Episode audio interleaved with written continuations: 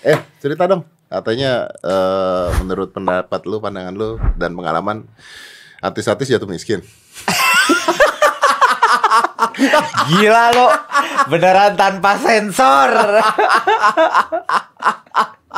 Ajay. Kan tidak menyebut nama. Oh, tidak menyebut nama. Iya, Tapi yang- kan ya udah kan udah ada yang keluar di berita juga kan. Dia Udah, mengeluh. Mengeluh. Yang ngeluh itu yang cicilannya kegedean itu. Banyak. Iya, kegedean. dia ngamuk-ngamuk soalnya cicilan rumahnya 250 juta itu. Oh, tapi kan hanya mengeluh. Mengeluh, hanya mengeluh. iya. Ada yang katanya kalau show nyanyi biasa 80 juta, sekarang jadi 10 juta. Oh iya, itu ada banget. sih. Ada ya? Ada. Kok mau sih, Bro? Kayaknya sih kalau gue lihat tuh ya, karena itu gimana-gimana mereka mesti survive kan. Ah. Dan kita nggak bisa tutup mata nih. Aduh nih jadi ngomongin orang lu mancing banget. Lah masa kita mau ngomongin monyet?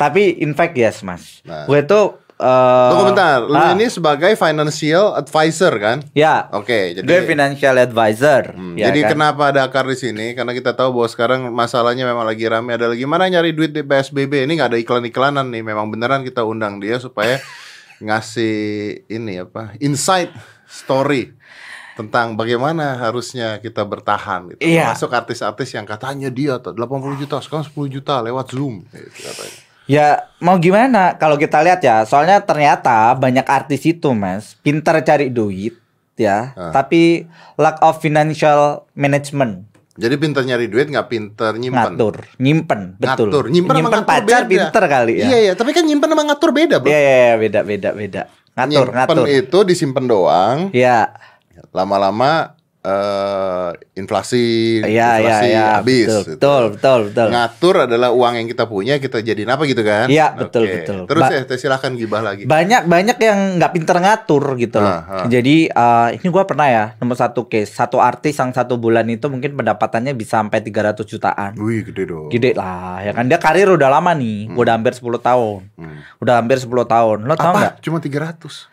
Yeah.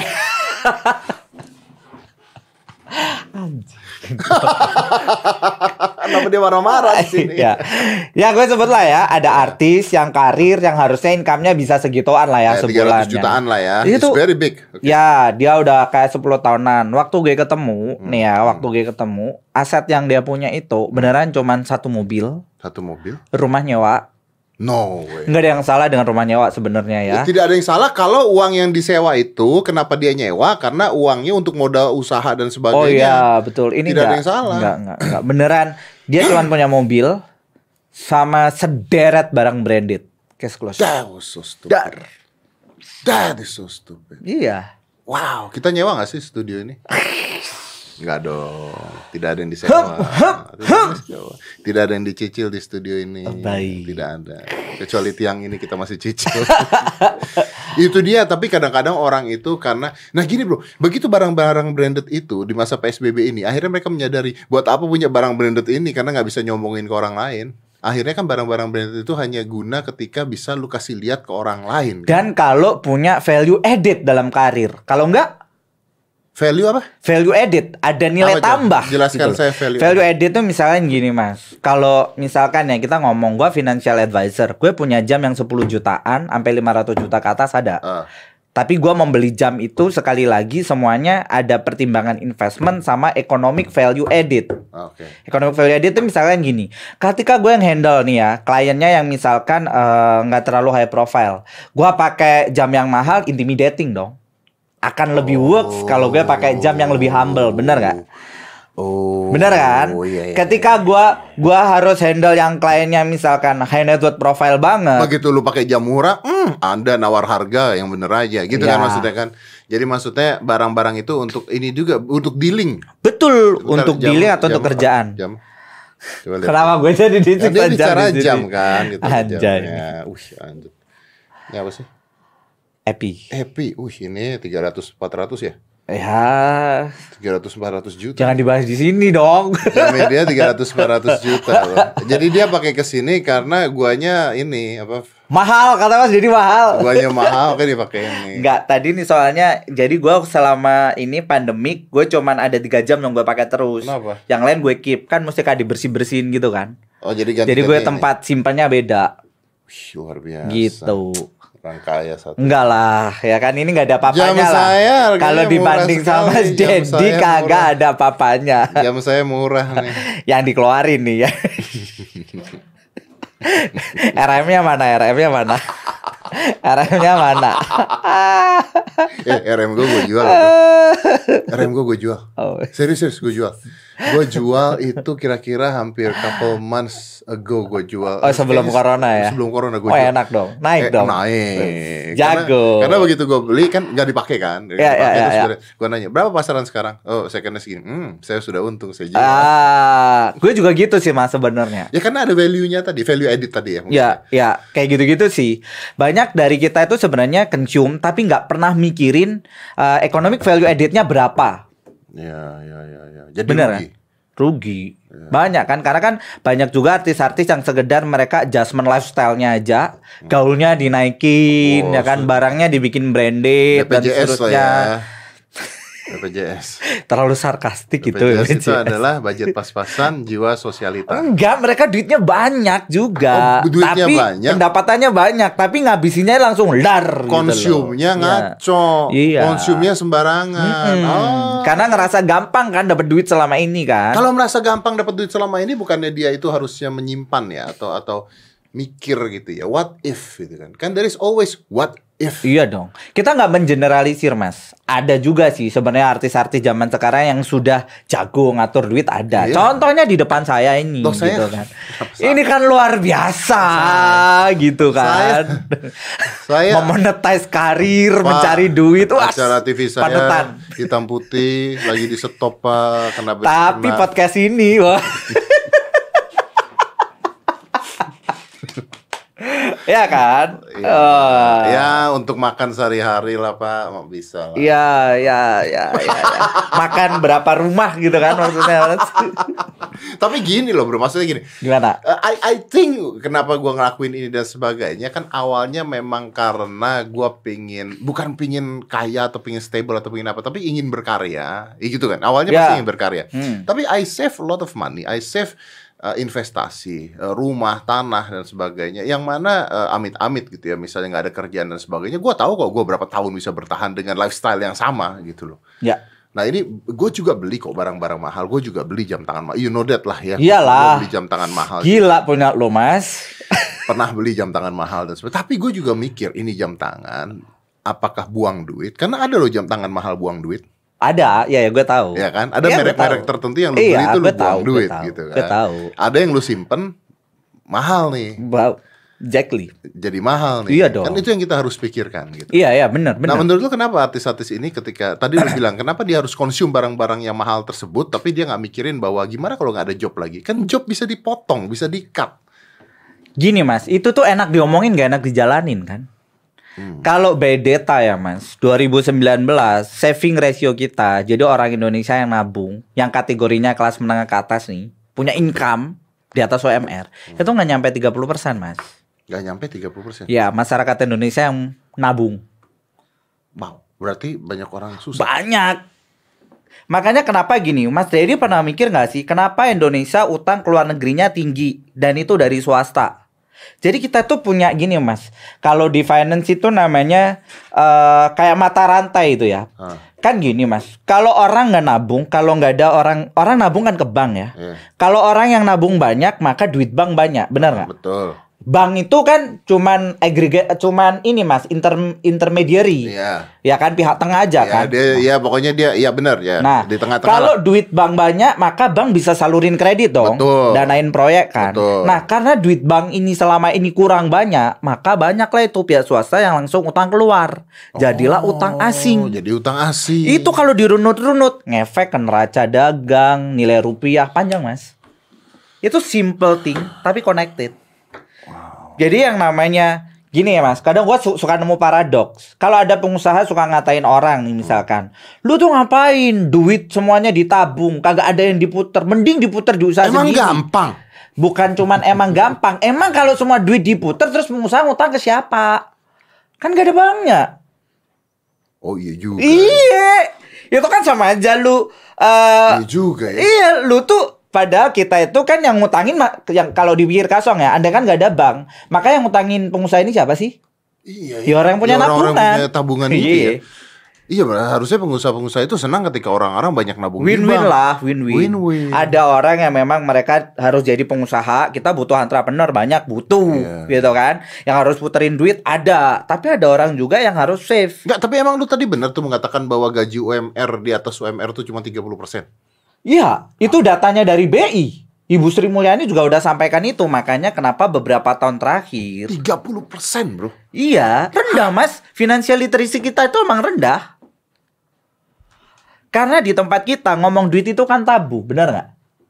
Lu ngomong duit deh ya, apalagi era sosial media.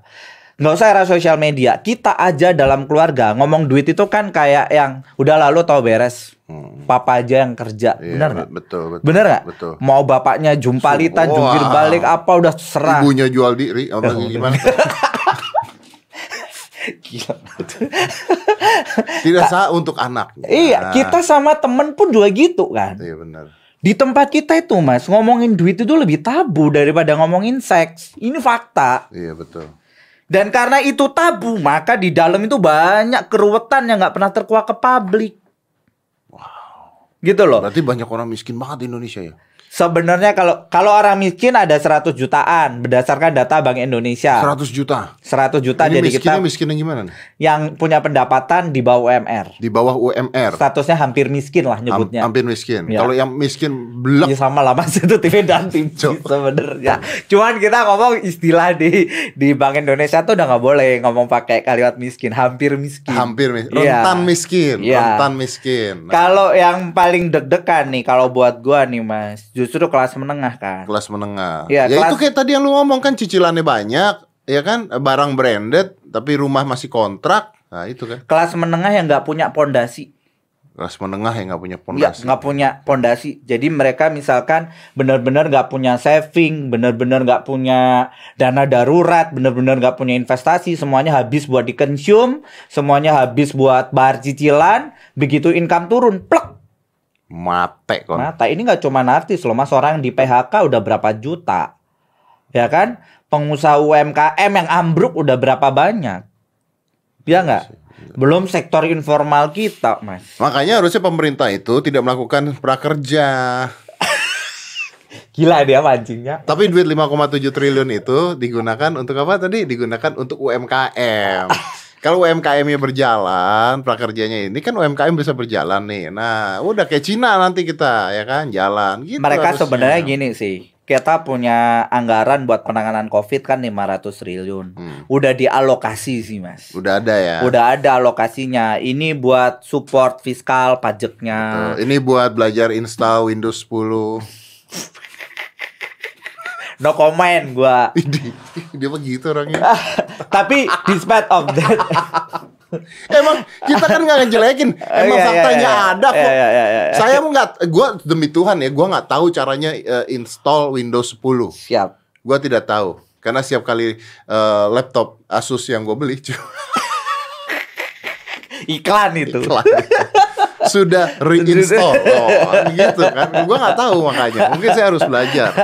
Aduh. harus Tapi kalau kita mau mengkritisi ya, program itu ada yang nggak sempurna dan seterusnya Ya, selalu ada ruang. Iya, nggak mungkin program sempurna. Cuman cuman gue lebih propose kayak gini loh mas. Ah. Mas jadi notice nggak sih kita itu bertahun-tahun mengkampanyekan yang namanya masyarakat madani. Madani. Ya, madani itu sebenarnya yang disebut masyarakat madani itu sektor government atau public sector sama sektor swasta itu bisa kolaborasi. Hmm. Jelasin gue nggak ngerti ngomong. Kolaborasi itu maksudnya gini, Mas. Jadi kalau di kita kan kecenderungannya ya ini tapi nggak bisa dijudge semuanya. Ada beberapa sektor government itu yang udah bisa kolaborasi sama swasta. Mereka saling ngisi, gandeng swasta lah kalau ada apa-apa. Hmm. oh gitu iya ya. iya tahu tahu. Tapi tahu. ada juga yang justru kalau swastanya lebih naik merasa tersaingi. Wow, lalu disikat sama pemerintah. Oh, Contoh. Anjir, gue kepancing semua nih ntar sampai sini. Gak, gak bisa kasih contoh. Oh, nggak berani ngasih contoh. Gak berani kasih contoh gue di situ. Nggak berani ngasih contoh. Ya itu kurang lebih kan ada lah. Ada lah teman-teman pasti kan bisa kira-kira itu sektor apa sih yang sudah bisa kolaborasi, sektor apa yang memang kayaknya masih keras kepala nih buat kolaborasi sama swasta. Tapi justru karena adanya COVID-19 ini, Hmm. orang-orang di rumah aja dan tidak bisa bekerja, maka muncullah masyarakat medeni. Gimana itu mas? Medeni itu mas. Medeni gue bahasa Jawa. Iya tahu aku Jawa, aku Jawa. Oh Jawa ta? Oh ya, medeni ya berarti masyarakat yang menyeramkan sekarang. Iya, gimana nggak itu, Mas, lah. menyeramkan, Lapar bos, lapar bos. Iya iya betul betul lapar. betul betul betul betul. Itu emang gini mas, rantai masalah kita itu Hmm. dari awal begitu ini pandemi, plek, itu dua yang utama. Satu kesehatan udah pasti selesaiin pandemiknya. Dua adalah sosial ekonomi. Mana yang lebih penting? Dua-duanya harus jalan Jangan simultan bos. iso. Kalau milih satu kok mana yang lebih penting kok dua-duanya milih simultan. Kalau pertanyaan saya mana lebih penting, Anda harus milihnya satu dong, bos. Kalau di situasi pepet gini ya, komposisinya katakanlah 60-40 lah ya. Mana 60% pasti kesehatan, Bos. 40% kita ngomong ekonomi. Tapi kan kalau ketika ekonominya kita hanya 40%, maka kesehatan yang kita utamakan. Banyak orang-orang lapar, banyak orang-orang sakit, banyak mental stres, ada penyakit lain lagi nanti, bos. Iya, gini Mas. Waktu kita nyal, nyal- nyelesain pandemik ini, seharusnya nih ya ini mudah-mudahan government lihat atau denger gitu. Oh, dengar kan ya. kok, mereka Dengar. nonton kok ini. Saya berani bertaruh bahwa Istilahnya gini, can you imagine? podcast saya dipantau oleh pemerintah. Baik, can you imagine Mas Ded? Ketika Mas Ded di, di, di situasi sulit, ya kan? Hmm. Kita bayangkan kita di situasi sulit nih Mas. Terus kita harus keluar dari situ. Hmm. Maka sebagai manusia apa yang harus kita lakukan? Segala upaya diambil kan? Bener? Betul. Sama, sebenarnya government itu isunya kan pasti di pendanaan kan. Hmm. Kita punya APBN itu kurang lebih 2140 triliun. Hmm. Ya kan? Terus kemudian pendapatan pajak kita tahun lalu downfall, turun 150 triliun. Tahun ini udah pasti kita downfall lagi nih karena susah ambil pajak zaman sekarang. Bener kan? Benar. Pendapatan BUMN juga banyak yang ambruk gitu kan. Betul. Nah, jadi Tapi- apa yang harus dilakukan sebenarnya? Ya. Satu, Mas. Kalau kita udah ngomong pendanaan nih, semua resource harus dipakai, Mas. Realokasi APBN udah dikerjain. Hmm. Nyari utangan. Hmm. Mau itu global bonds kita kan udah keluarin. Hmm. Mau itu nanti kita keluarin SBN utang langsung ke masyarakat itu harus dikeluarin. Ketiga, minta bantuan internasional. Mudah. Mau minta sumbangan obat, mau minta sumbangan medis, apa pun itu dikeluarin. Tapi kita kan utangan ini belum sampai ke World Bank atau IMF belum sampai ke sana kan isunya, Mas. Hmm. Bener sih. Bener kan? Sebenarnya ada jalan lain lagi. Apa, Tadi gue sempat ngobrol, ada jalan lain lagi. Jadi kan pela- pelaut kita ini kan dilewati oleh selat-selat semua. Yang Iya. mana kalau eh, kapal-kapal itu kan kapal-kapal di luar negeri mau ngantar apa semua itu kan lewat selat-selat kita. Iya. Nah, dijadikan jalan tol, jadi mereka dipajakan. Ya, itu sepertinya kayak semua harus dimaksimalkan Semua sih. harus dimaksimalkan. Namanya baru kita yang ngomong tadi itu sebenarnya langkah keempat, Mas. Kita cari duit. cari duit. cari duitnya emang kayak yang paling baru kan eh, eh, produk-produk digital dipajekin. Lo udah udah tahu belum? Netflix, Spotify lagi ditarik pajaknya nih. Lagi tarik pajak ya? Yes. Eh kalau zaman-zaman gini nih orang-orang bakal dikejar-kejar pajak nggak ya? Ya mau nggak mau. Makanya kan negara kita duitnya dari mana? Kadang kita itu harus realistis, Mas. Mau teriak ke negara, Enggak, bukan maksud gua apakah kantor pajak akan lebih mencari-cari ini siapa aja belum bayar pajak atau lebih longgar? eh, mereka melakukan relaksasi. Ya kan, dari dari maksudnya ada keringanan-keringanan pajak ya kan, ada ada kebijakan-kebijakan fiskal yang diambil. Secara umum mereka relaksasi. Untuk UMKM kan, ya untuk pengusaha untuk, untuk dong. pengusaha dan seterusnya tapi mereka pasti akan fokus gimana mereka tetap mendapatkan WP baru mas wajib pajak baru Wajib pajak Mau baru. mau. Berarti orang-orang baru akan disikat-sikatin. Coba eh saya jadi sikat-sikat dong emang tiap tahun mereka harus begitu Tiap tahun harus begitu. Ah, iya dong kalau kita mau naikin pendapatan pajak maka WP-nya harus dibanyakin kan wajib pajaknya harus dibanyakin Wih, di- untung saya sudah bayar pajak. siap Saya sudah- aman Ferry udah Fer? Udah. Udah bayar Udah. pajak. aman Aman, aman. aman aman Serem loh dikejar pajak tuh. Oh iya iya, iya. Hmm. Enggak kok Mas, tinggal dihadepin aja. Yang ngadep eh ngadepin pajak sama calon mertua serman ngajepin pajak, loh. Karena gini sih, ini kalau mungkin angle gue sebagai seorang financial advisor ya, gue nggak ngebelain pajak yang gimana-gimana. Cuman di Indonesia itu kan teknik pajaknya self assessment. Jadi kita suruh lapor, suruh bikin laporan sendiri gitu ya. Nah, Kalau nggak kalau nggak dipantau kan. Ya, kalaupun dipantau tuh gini Mas, ada dasarnya kan. Kita melaporkan itu ada peraturan-peraturannya Mas, satu-satu. Memang kadang kalau kita awam ya kan, kita bisa pakai dua pilihan kan. Either kita langsung tanya ke orang pajak yang bantuin kita atau pakai konsultan independen di luaran buat Konsultan mahal kita. bos, konsultan Ya, nggak murah bos. Iya dong, makanya kalau nggak gue nggak bisa beli jam mas. Oh iya benar benar. Makanya ada orang-orang kayak lu ya. Iya benar. Lo ya kan bener kan smooth nih jualan. Tadi tuh gua ngobrol Potong nih ntar. Enggak, kita nggak potong-potong gitu kan. Tadi tadi tuh gua lagi ngobrol sama temen gua Ah. masalah pajak juga. Ini kalau ap- apa sih sekarang faktor-faktor apa yang eh, pemerintah lagi kejar sekarang? Untuk pa- Pajak. faktor apa sektor? Sektor, sektor, sorry. Sektornya kayaknya mereka akan fokus ke sektor-sektor yang memang tidak terdampak di situasi sekarang ya. Contoh. Contoh banyak mas, sektor yang terkait sama ketahanan pangan, Mm-mm. sektor terkait sama teknologi. Teknologi. Itu kan pada rising naik banyak tuh, Mm-mm. justru kan Mm-mm. provider wifi, semua distributor laptop, distributor printer kayak gitu-gitu kan pada naik kan ya. Mereka nggak nggak ini. Terus ekspedisi, Hmm, ekspedisi revenue-nya naik gila mas. iya sih. ya kan e-commerce kayak gitu-gitu sih produk-produk digital E-commerce gede apa e-commerce kecil-kecil? kayaknya hampir semuanya mau nggak mau kan mereka kayak mau nggak mau di situasi sekarang lebih fokus ke WPWP wajib pajak wajib pajak yang memang sektornya nggak kedampak atau justru growth atau justru diuntungkan sama situasi ini Iya kan? Kalau mau ngejarin sektor-sektor yang lagi kedampak ya orang tinggal nyerah lo gue udah bangkrut mau diapain. Iya bener ya. Iya kan? Udah. Iya bener Yang sih. yang nangis banyak lagi gitu Yang- kan. Iya, yang nangis banyak. Masa orang nangis masih mau dikejar-kejarin lagi mau gimana gitu. Iya sih, kasihan ya sebenarnya ya. Mm-mm. Pemerintah kita kasihan, orang-orang kita kasihan, semuanya kasihan. Aduh, jadi kalau misalnya di zaman gini ini penonton gua nih, mereka harus ngapain nih orang yang ada di rumah nggak punya kerjaan harus ngapain nih? Jualan barang. Lo kalau udah selesai Eh, gua mau tanya satu apa? ini pertanyaan pasti akan akan membuka mata orang banyak.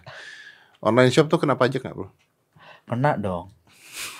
Tapi kan kebanyakan dari kita banyak yang namanya itu eh, shadow economic mas, yang nggak di report. Oh, itu di- yang memang sebenarnya selalu ditargetin sama kantor pajak. Itu yang dicari-cari. Iya dong. Kalau Kalau- gitu dong. kalau kena denda dong bro. Ya sebenarnya semua kayak denda apa segala macam itu tinggal dikomunikasikan sih mas sama AR. Tinggal diobrolin lah ya. Ya diobrolin sama AR-nya perlakuannya mau gimana dan seterusnya gitu. Hmm. Gue ah, gue bukan duta pajak, tapi gue berusaha untuk seobjektif mungkin bahwasannya sebenarnya pajak itu kalau mau dihadepin ya kan nggak seserem itu juga. Ya nggak serem itu tapi duit lu kan kena. Gimana sih bapak? Ya begitulah. Saya tidak takut karena saya bayar pajak. Siap, siap, siap. Tanya boleh tanya di Jen Pajak saya pelanggan bayar pajak. Iyalah gue lihat lu di DJP jadi duta Yes, kemarin. yes, yes, yes, Sama saya Mbak Ani Natalia kan. duta Oh, pajak saya tuh. Siap. Di websitenya foto saya. Iya, iya, iya, kelihatan Bayarlah itu. pajak. Bayarlah pajak. Jadi orang-orang harus ngapain nih bro? Nggak ada duit bro. Kalau udah selesai nangis, Apa lo? Tuh kan gue mau ngomong. Dulu gue nanya sama dia Ini orang-orang gak ada kerjaan gimana nih? Mau ngapain? Ya nangis dulu lah. Nangis Gila lah. orang Orang suruh bilang. nangis. Orang mah orang Ya usaha gitu Kayak lu. Mas, Ya udah nangis dulu. Nangis kadang dulu. gini loh mas, lu kalau nyuruh orang langsung usaha, orang lagi jedek banget kepalanya kan, ya udah lalu nangis dulu, relax dulu, udah, jangan lama-lama, kan Terus- manusiawi. Iya sih. Nah abis itu baru kita pikir gimana caranya kita cari duit. Iya cari duit itu yang jadi masalah brother Sebenarnya ya mas, sekali lagi, yang namanya orang di situasi kejepit, memang kita nggak bisa pungkirin itu jadi seleksi alam ya. nah, Berarti ada yang tidak bisa bertahan Of course. Inilah tujuan Inilah tugas pemerintah memberikan bantuan Ya, makanya mereka keluarin BLT kan. Hmm. Tapi di luar dari itu sebenarnya ini tuh kesempatan kita bener-bener ngekrek peluang apa yang masih hidup dan sebenarnya ya Mas. Karena ini kan sedunia dipaksa Hmm. work from home. Ya kan?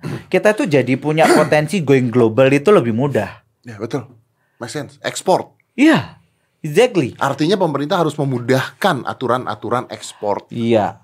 Dan mungkin eh, selain selain itu kitanya nih ya sebagai masyarakat nih contoh kayak podcast kayak begini nih Mas ya. Nah kenapa lu bobo gua? Enggak, ini gua bilang ya mas Indonesia itu mas, kenapa kita jadi orang Indo tuh mesti sombong Hmm. Indo itu 40% market ASEAN mas Makanya kenapa gue nyebut nih ya Ada satu perusahaan ojek online Yang bikinan negara sebelah Fokus tetap di Indo Karena marketnya gede. Gila. Eh, Jadi kenapa banyak startup-startup gede, startup-startup asing itu selalu fokus start from Indo? Karena Indo itu sekali lu kerja capek di sini, terus satu ya selain kita marketnya bukannya gede, Cina, Bro.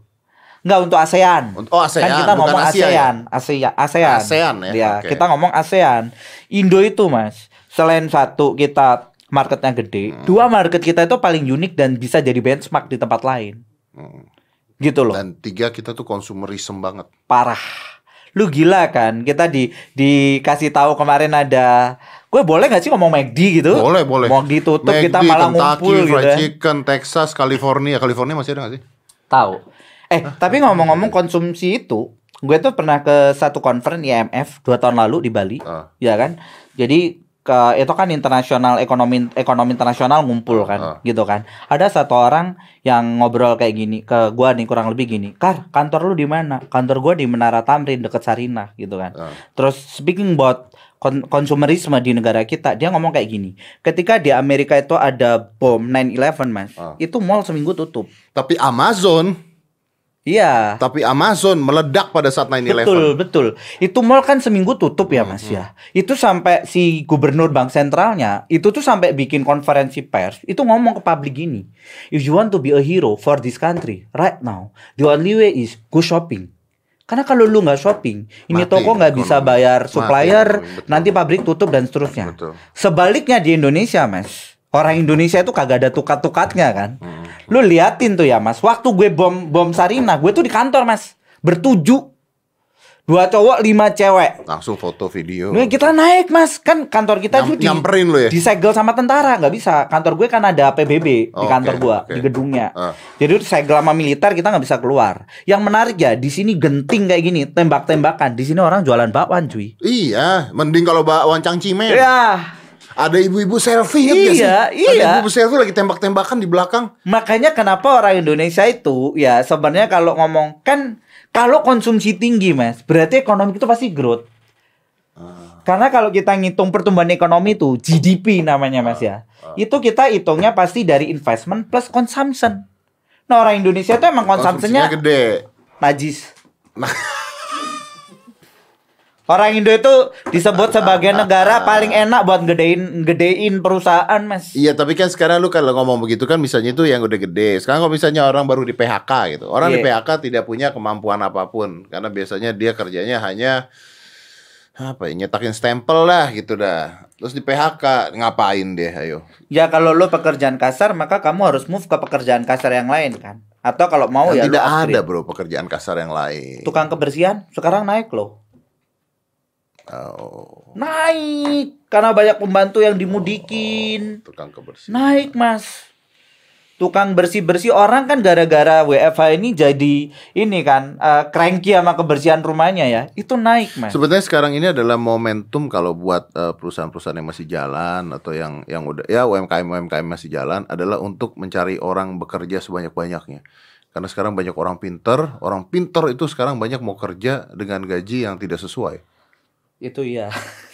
Lu tidak mau mengakui tapi iya kan? Iya. Eh Bener tapi emang iya. Iya. Iyalah. Emang jangankan orang kita, Amerika aja sudah ada 30 jutaan yang layoff. Kalau mau dapat bule-bule murah, available banget sekarang. Eh di mana bule-bule murah, Bro? Ya kan Oh, kita ini buat kerja. iya buat Oh. kerja. Lu mikirnya yang lain. kerja. Kerja anjing. Kerja. Anjir ini podcast ngaco.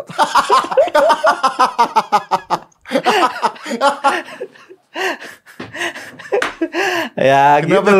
Kenapa podcast ngaco? ya udah, gua buat yang lain lah, buat yang lain. Oke. Iya, iya, iya, karena sekarang akhirnya banyak orang-orang dengan kualitas kerja tinggi, pinter-pinter, ahli-ahli, mereka tidak punya kerjaan.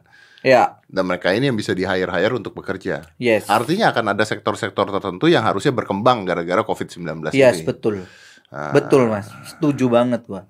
Ada sektor-sektor bahkan kalau mau kita seriusin banget ya. Hmm. Waktu kemarin di Wuhan itu kalau nggak salah ada tiga perusahaan ekspedisi yang dipakai sama pemerintah kan, kerjasama resmi kan. Hmm. Itu gila banget mereka. Hmm.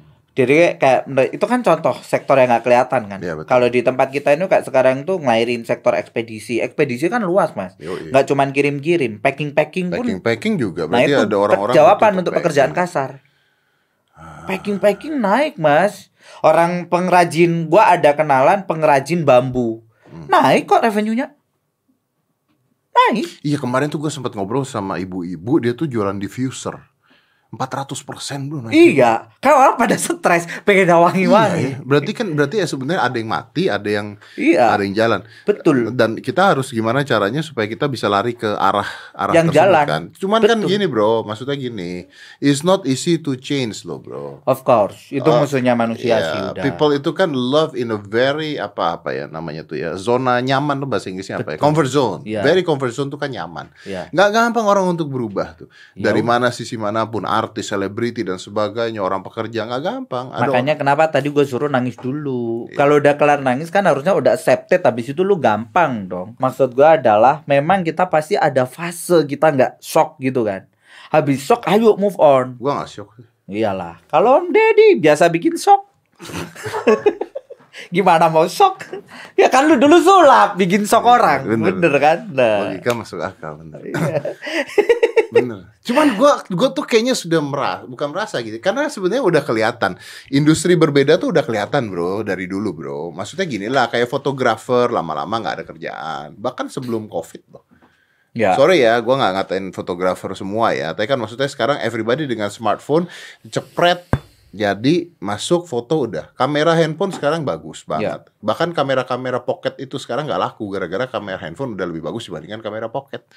Itu udah kena. Ya gue sering ngomong lah buku orang udah nggak baca karena bacanya udah news dan sebagainya. Ya. Media dan sebagainya. I have the podcast yang yang ya yang kecil-kecilan inilah.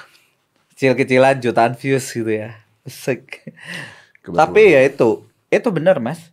Tinggal pertanyaannya sebenarnya pandemi kayak gini itu juga uh, buat orang yang mungkin kayak Mas Dedi gitu ya. Kita udah terbiasa bahwasanya mending kita ngedisrupt diri kita sebelum ada apa-apa. Kasarannya kan gitu ya. Iya betul. Karena uh, sebenarnya kalau kita berpikir uh, aku nyebutnya itu selalu kalau kita punya computation skill, Mas. Computation skill itu adalah kemampuan berpikir secara logik seperti scientist yang biasa kayak kita taruh data di atas meja terus kita petain. Eh, Kita nggak perlu nunggu kejadian kayak gini loh, Mas. Hmm. Untuk berubah itu sebenarnya. hmm. Kita harusnya sudah punya preparation tuh emang udah jauh-jauh hari. Karena kan gini, kayak misalkan Mungkin orang takut gagal, bro. that's your problem. ya kan? Fuck. Benar nggak? That's their You're- problem. You're not giving a you're not giving No no no no. I mean like capek kali kan ngasih empati terus-terusan. Karena nangis is good, tapi kalau diterusin seriously, I don't give a fuck. Karena kita butuh orang-orang yang cukup brave juga kan untuk ngambil keputusan dan move on. Ya, ya, ya, betul sih. Bener nggak mas? I'm, I'm agree with that. Ka- kamu kan begitu selama ini kamu bener-bener gue ngeliatin nih gue tadi sama Mas Jadi ini ngobrol Mas gue tuh tahu Mas Jadi pesulap itu gue masih SD Bangke lu. itu biasa yes gitu kan tapi gue selalu gue tadi bilang ke Mas Jadi Mas lu itu satu salah satu artis yang gue lihat bisa mereinvent brandnya mereinvent diri lu sedemikian rupa sehingga karir lu itu sampai 20 tahun lebih itu tetap di atas dan itu nggak mudah loh mas Oke, oke, oke. Eh, gua melakukan ini kan sebenarnya tanpa gua sadari, Bro. Ya. Nah, oke, sekarang gua nanya sama lu ya. Gua Hmm. nanya- karena gua jujur aja, eh, gua melakukan ini tanpa gua sadari. Tapi apa yang membedakan orang-orang seperti gua dengan orang-orang yang akhirnya eh, diam dan tidak mau berubah? Apa? ya yang diem kalau kita dan nggak mau berubah gitu kan ya kita nggak survive dari sini ya udah toh pilihannya mereka mau jadi apa lagi jadi beban kan nanti Oh, iya, tapi maksudnya gini, apa apa yang membuat orang yang bisa berubah dan sukses dengan orang-orang yang eh ah udahlah gue malas lah, ah udahlah begini aja lah, ah udahlah nggak jalan lah gitu. Ini kan banyak banget. Sekarang banyak youtuber-youtuber yang nyamperin gue, nanya ini kenapa YouTube gue kok nggak jalan, ini kenapa hancur banget. Ya terus gue tonton deh YouTube lu kayak begitu, lu nggak lu nggak lu bahkan nggak ngeliat zaman, lu nggak ngeliat kan everything's changed menurut gue. Gitu. Yes. Tapi tapi tapi mereka tidak punya sense to change gitu loh. Nah apa yang membuat orang punya sense to change and what makes people orang-orang yang tidak punya sense to change? What's the what is the key difference? Apa kunci bedanya? computation skill orang-orang yang mau skill. gue nyebutnya itu kemampuan berpikir logis seperti scientist orang-orang yang kita punya computation skill mas you do something kamu pasti melakukan evaluasi berkala kan mas cek the data cek market cek behavior market. Lo- Actually yes. lo masih you're right. relevan apa enggak? You're Benar right, nggak? You're right. Benar nggak? Right. Yeah, yeah, yeah. Kita masih relevan sama dunia apa enggak gitu kan? I think you're right. Ya, karena gini mas, sometimes orang itu mulai dengan spirit mereka sebagai sebagai pemula itu kan powerful kan, ngecekin market dulu, riset ini itu. Terus begitu nyampe atas, mereka udah nyampe comfort zone. Selain comfort zone, mereka udah ketutup sama ego. Nah, skillnya dia memulai jadi hilang kan. Padahal kalau kita mau balik lagi ke skill kita memulai, Skill to restart. iyalah. Skill to restart. Iya. Iya, sebe- it- oke oke. Ini ini menarik nih. Ini kalau gue yang cerita aja ya jadinya. Jadi sebenarnya begini, kan banyak misalnya ketika gue bikin podcast gini ya, banyak lah orang misalnya yang ngomong, "Eh, Mas podcastnya jalan gimana caranya gini gini gini gini. Wah, kok wah, bagus banget ya sukses ya gini. Yang mereka lupa dan mereka tidak tahu adalah lu percaya apa enggak ya. Eh, This is not a lie gitu ya. Gue sebelum gue mulai podcast ini, for six month, 6 bulan, gue dengerin semua podcast yang ada di dunia like every day setiap hari 3-4 jam and I learn what is podcast and how to do it good Exactly. Itu yang kita butuhkan. bukan cuman oh ini jalan yuk ikutan gitu kan Yes, exactly. Ah. Karena akhirnya gini, gua selalu ngomong di tengah situasi kayak gini ya, karena sektor nggak sebanyak sebelumnya. Kalau sebelumnya ada sekian banyak sektor, kita bisa bersaing dengan sektor-sektor yang berbeda. Sekarang kan sektornya lebih dikit nih yang bisa survive kan kan. Akhirnya yang kita butuhkan apa? Jadi outstanding kan. No place for mediatrum. Lu tengah-tengah, bye. sejahat itu bro Iyalah. sekejam itu Iyalah, mau nggak mau kan? Kita nggak dalam rangka menangis-nangis kan masalahnya kan? Ya emang harus outstanding itu gitu kan? Orang kan nggak pernah tahu. Lu artinya bayangin nggak tiba lu udah jalani 6 bulan spend setiap hari 3 sampai 4 jam untuk market research kan? Lebih tepatnya untuk produk research. that's what they don't see Ya, exactly. Even mereka mungkin nggak tahu di luar setelah lu ngejalanin lu masih improving a lot kan along the way kan. ya, Iya. ya. Ya, I'm, udah. I'm learning the algorithm Iya, I'm learning everything ya masih terus Dan itu dilakukan. sebenarnya tinggal di tap ke semua sektor lain, Mas. Misal ya, Mas. Gua financial advisor. Bisa biasanya eh, terima klien itu goes to office gitu kan. Orang datang ke kantor. Tapi dari tahun lalu tuh gua udah jualan online, Mas. 30% dari transaksi gue itu udah meetingnya virtual. Jadi ketika gua dipindahin ke situasi sekarang, gua ready. no problem No problem. Dari awal tahun mas, gue dulu biasanya bikin seminar tuh offline, ya kan? Kayak tahun lalu itu gue satu semester bisa jualan sampai 15.000 ribu tiket kali. Bikin seminar offline tuh, roadshow 10 kota gitu kan. Tapi dari Januari itu gue bikin on, bikin online. Coba lu bikin online, semua platform tim gue bikin studio kayak gini di gudang kantor gue, bahkan beneran di gudang gue set up karena kita nggak punya tempat lagi kan. Dan itu selama kuartal satu jalan tuh teknisnya tahu pelajari. tapi kan pasti pernah gagal-gagal dan pusing-pusing dulu dong Of course. Of course, tahap satu pasti itu kan. Ya. Iya kan? Jadi begitu udah ada pandemik, gue udah ready. jadi artinya di sini mengatakan juga kadang-kadang quantity is important ya Of course. Bukan hanya quality ya. Karena Iyalah. quality you can get, quality bisa didapatkan dengan Yes. quantity yang lu lakukan terus Betul. menerus. Tapi akan lebih baik kalau kita jalankan secara Iya, paralel. iya kan? betul betul betul. Tapi kan kalau ketika orang memikirkan quantity quant eh, quality quality terus-terusan akhirnya kadang-kadang mereka nggak nggak mulai Yes. nggak mulai ngejalanin Dan sometimes juga. gini, quality itu kan jadi sesuatu yang subjektif. Takutnya Ya, desire kita kan, iya, iya, iya, bukan market. Ya, quality-nya kita adalah idealis dan ideologinya kita, Betul. egonya kita, Betul. market belum tentu suka. Betul. Kayak Mas Dedi yang bilang mau podcastnya Mas Dedi bagus siapa? Bukan Mas Dedi, Bukan gua. iya. market. That's it. Makanya Anda tidak mau diundang ke podcast lain katanya ya. Gue ada di podcast lain tapi tertutup bukan podcast yang YouTube. This is my very first time. Oh enggak second. Second ya. Tapi yang satu tuh kayak udah satu setengah tahun yang lalu. Wow. It. Nah, artinya kalau lu mengatakan begitu, artinya akan banyak orang-orang yang akhirnya mati. Mati in a quote unquote mati, mati dalam udah nggak bisa bertahan, udah selesai aja udah gitu hidup. Kan memang setiap krisis kita ngelahirin orang kaya baru dan orang miskin baru. Somehow duit itu kan zero sum game mas, cuman pindah. Bener nggak? Iya betul. Duit Uangnya- itu cuman itu-itu pindah mas, ya. zero sum game. Kita nggak bisa tutup mata ya di antara jutaan orang hari ini menangis, ada jutaan orang juga yang naik. That's all. Hmm. That's gonna happen. Bener kan? Hmm. Bener kan? Di antara misalkan ini kita ngomong lah kayak di tempatnya Mas Dedi ini ya, misalkan kita ngomong YouTube gitu kan. Di antara sekian ribu akun YouTube ya kan, yang mungkin sebelumnya ketika situasi normal semuanya baik-baik aja, terus situasi Oh, ini itu, tinggal itu sedikit, berubah loh. Itu berubah loh. itu berubah kan? Berubah, Bener nggak? Tapi kan sebenarnya brandnya akhirnya kan spendingnya berpindah aja kan? Iya. Sebenarnya brandnya pindah ke gua, tapi kan duit brandnya sama kan. Iya. That's it. Hmm. Ya kan? Itu normal, Mas. Itu normal. Makanya di di situasi sekarang itu selain computation skill yang harus kita punya, harus selogik mungkin, ya kan? Kita harus punya creativity. Creativity dalam semuanya, nge-crack bisnis kita, pivot atau menangin market, you name it. Oke, nah kalau misalnya orang-orang yang eh, sekarang di PHK gitu, Hmm. jadi menurut lu mereka harus coba tel, eh, talent baru, eh, coba belajar sesuatu yang baru dong. Oh, of course.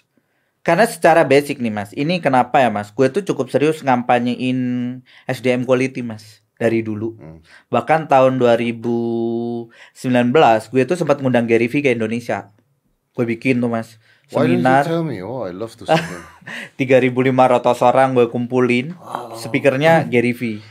gitu Gary kan. Vee tuh udah gak ke mana-mana sekarang ya, tetap udah udah terakhir kali gue cek jadwalnya dia tuh di mana New York atau di mana Kanada kalau nggak salah sudah dia kena PSBB juga. gitu. Iya, jadi kalau gue lihat waktu itu kenapa gue concern kayak gitu mas? Karena memang yang namanya literasi, literasi apa pun nih mas, di Indonesia tuh SDM itu emang jadi satu PR serius.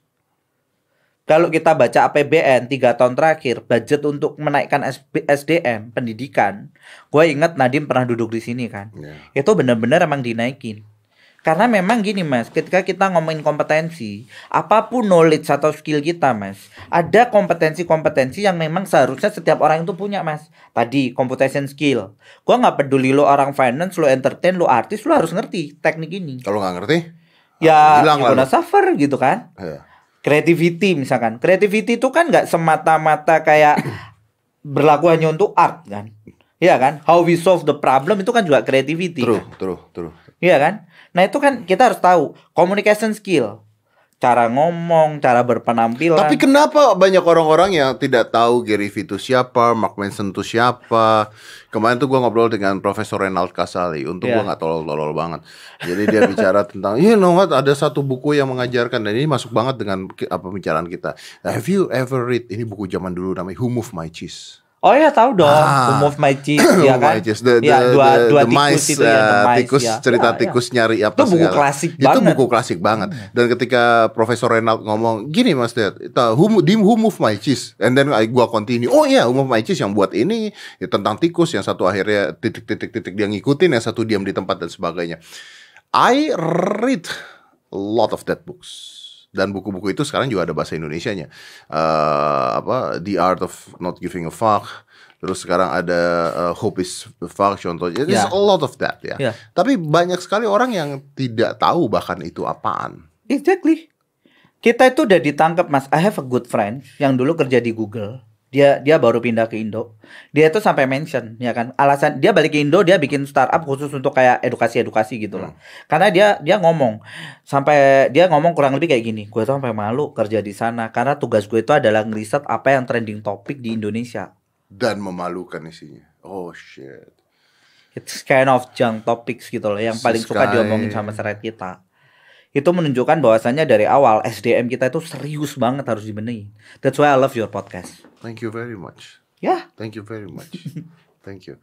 bukan gombal loh ini Iya, ya. iya, thank you, thank you. Uh, I'm really appreciate it when you say that. Dan menurut gua juga orang-orang ini harusnya mencari ilmu-ilmu tersebut dan banyak sekali ilmu-ilmu tersebut yang harusnya bisa pelajari. Aduh, sebelum ini ya, remember nggak sih dulu tuh sudah pernah, oh zaman dulu sekali, like 10 years ago, uh, Red Sea Blue Sea.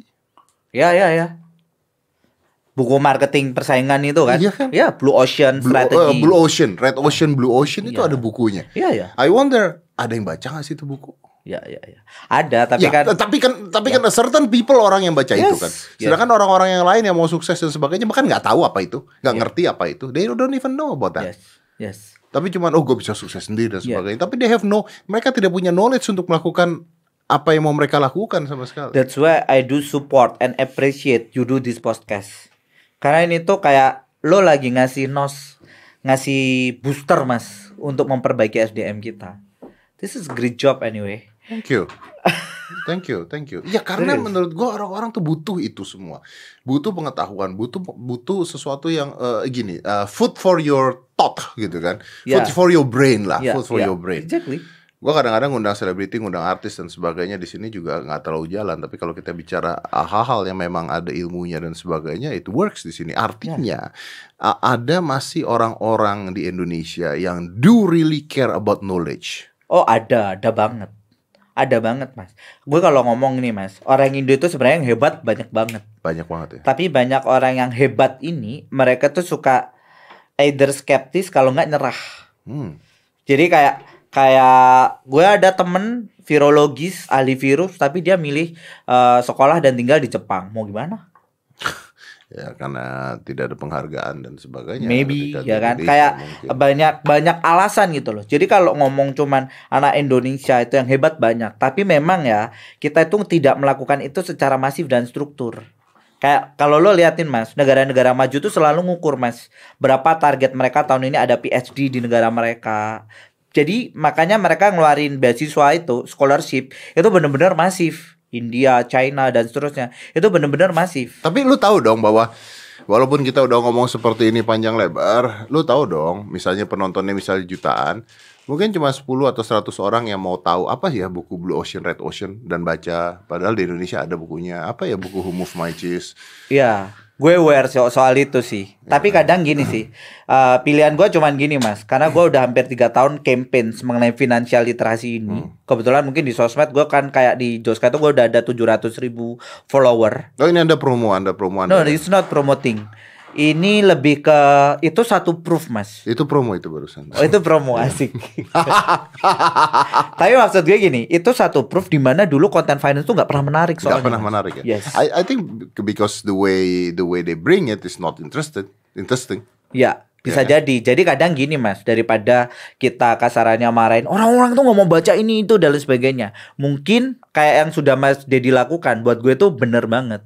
Kita bawa topik ini lebih mendekati ke mereka dulu, Ah, lebih relate ke kasarannya gini ya. Mas Dedi di sini, market di sini. Ya udah Mas Dedi agak merendah dikit kan. iya. Nanti supaya mereka ketarik kan. Ya, that's what I- iya, iya, Ya, iya. supaya gap ini ketutup Benar, benar. gitu loh. Kadang kita emang perlu mengkomunikasikannya dengan jauh lebih gampang. Kitanya lebih nggak intimidating Lebih, ya, sama mereka. lebih nyantai. Lebih nyantai gitu. Iya sih. So, uh, what do you think, bro? I mean, this country is will be okay, the economy will be okay. Ya, karena uangnya muter-muter aja sih, supposedly will be okay. Eh, hope so. Ah, shit. Hope so. Harusnya ke sana sih Mas kita Mas. Kita masih punya harapan walaupun ada PR. Cuman honestly gini ya, gua di posisi kayak positif optimis gitu loh. Eh sorry, positif Pes- pesimis. pesimis tengah-tengah gitu ya. Pesimis sama optimis aja tengah-tengah. Kalau karena kayak gue ngelihatnya gini. Oke lah government mungkin ya dia galau nih harus ngapain ngambil kebijakannya. Tapi di satu sisi tuh gue juga ngelihat contoh kemarin government berani nggak ngambil THR itu gue appreciate Ya, ya. mereka berani nurunin satu ego dan ngambil keputusan yang menurut gue realistis. Bahkan kemarin Bu Sri Mulyani baru ngeluarin statement dia nggak terima lagi, eh, dia berencana nggak tahu entah nggak terima lagi karyawan baru atau mengurangi. Itu gue appreciate mengurangi jumlah PNS. Mhm. Itu menurut gue gue gue appreciate di situ artinya gue ngelihat oh ya government berusaha memperbaiki APBN mereka, penggunaan APBN mereka. Ya, ya, ya karena ya, ya, ya sekarang semua negara juga lagi bermasalah. Mereka mau ngapain lagi? Iya. Tapi ini frontal sih Mas menurut gue. Kebijakan-kebijakan ini cukup kan kali ini tuh nggak pernah berani dilakukan. Ya kebijakan memang cukup frontal, cuman kadang-kadang dari atas tuh omongan beda-beda terus itu dari depan sampai atas sampai bawah ya kan kan beda-beda terus gitu. Masyarakat Ya, pusing ya. kan adalah beda-beda terus gitu loh. Ya, ya, ya. Bahkan bantuan aja untuk masyarakat aja ada yang nyampe, ada yang enggak katanya ya. Terus ada yang ribut, ada yang apa. Kemarin gue baru baca berita RT RW mengambil 100 ribu dari bantuan dana BLT. Wow. Hmm. Well, but there is two things di sini. Uh, ada yang RT RW ngambil kayaknya buat dia, gue juga nggak tahu. Tapi ada RT RW ngambil, lalu duitnya dikumpulin untuk ngebantu orang-orang yang tidak termasuk ke BLT tersebut. Nah ini kan jadi eh, kemarin ada di gue punya caption ini gimana ya tetangga gue dibantu gue enggak padahal kita sama-sama susahnya jadi dan pemerintah ini sulit banget kenapa sulit banget kalau dia salah ngebantu orang habis juga pemerintah ini Ya, Kena itu gue kita agree ya. mas. Kita emang punya manajemen kurang rapi ya kan, karena kita tuh nggak punya tanda kutip eh single identity yang enak. kan. Ya. Makanya sekarang paralel lagi dijalanin sensus online. sensus online Iya. Karena gimana gimana mas, namanya ini tadi balik ke computation skill. Kita tuh bisa ngambil kebi- kebijakan dengan mudah kalau data ditaruh di atas kertas bagus, Hmm, begitu dijalankan proper kan, pek pek pek pek gitu. ya ya betul sih Tinggal awasin eksekusi. harus gimana gitu ya Iya, itu juga maksud gua gini mas, itu jadi PR. Karena gua udah ngomongin gini, gua sebenarnya lebih vokal. Karena dalam artian sekarang itu mas, penduduk kita 33% kan milenial. Sem- 20 sampai 40 Mas Dedi termasuk lah. Si- saya termasuk masuk masuk mepet dikit Yes. belok kanan lewat Terus bawahnya lagi tuh Mas, 32% itu adalah eh, Gen Z 0 sampai 19. Hmm. Jadi sebenarnya sekarang itu milenial tuh seharusnya jauh lebih bersuara karena estafet negara ini itu ada di tangan kita Nah, sebenarnya mereka memang kalau bersuara bagus bro dan bertindak. oh, oke Gue dikunci mulu dah di sini. kan bersuara. Iya. Mereka bersuara, milenial itu kan punya kelemahan satu menurut gua kinerjanya dan daya tahannya itu kurang, Bro. Yes. You know Gua gua gua nggak ignore kompetensi Iya. mereka di situ memang perlu diimprove. perlu diimprove Yes. ya. Ya. Gue milenial kok. Lu milenial lu dong. tahu kan hal tersebut Iya, kan. yeah, tahu. I know exactly. Oke, so uh, well, it's very nice talking to you. Tapi gini, ada nggak mau lu sampaikan kepada orang-orang saat ini yang lagi sulit, lagi mau menangis karena mereka di PHK dan sebagainya. From you as pakar financials, what you gonna say to them? The camera is yours. Jadi kalau you hello semuanya, kalau kalian posisinya sekarang mungkin lagi di PHK, lagi nggak ada duit sama sekali, yang harus dilakukan pertama adalah survive. Gimana caranya survive? Lu punya cash atau aset itu pikirin bisa dipakai hidup paling nggak untuk beberapa bulan atau satu tahun ke depan. Oke, jadi dicari dulu nih yang bisa dijual apa nih gitu. Yes. Cari lo aset lo yang bisa dilikuidasi dulu apa? Karena sekarang cash is the king udah otomatis kan. Ya. Ya. Terus yang kedua, segera move on, cari solusi karena sekali lagi ya kan, ada banyak sekali sebenarnya sektor atau peluang.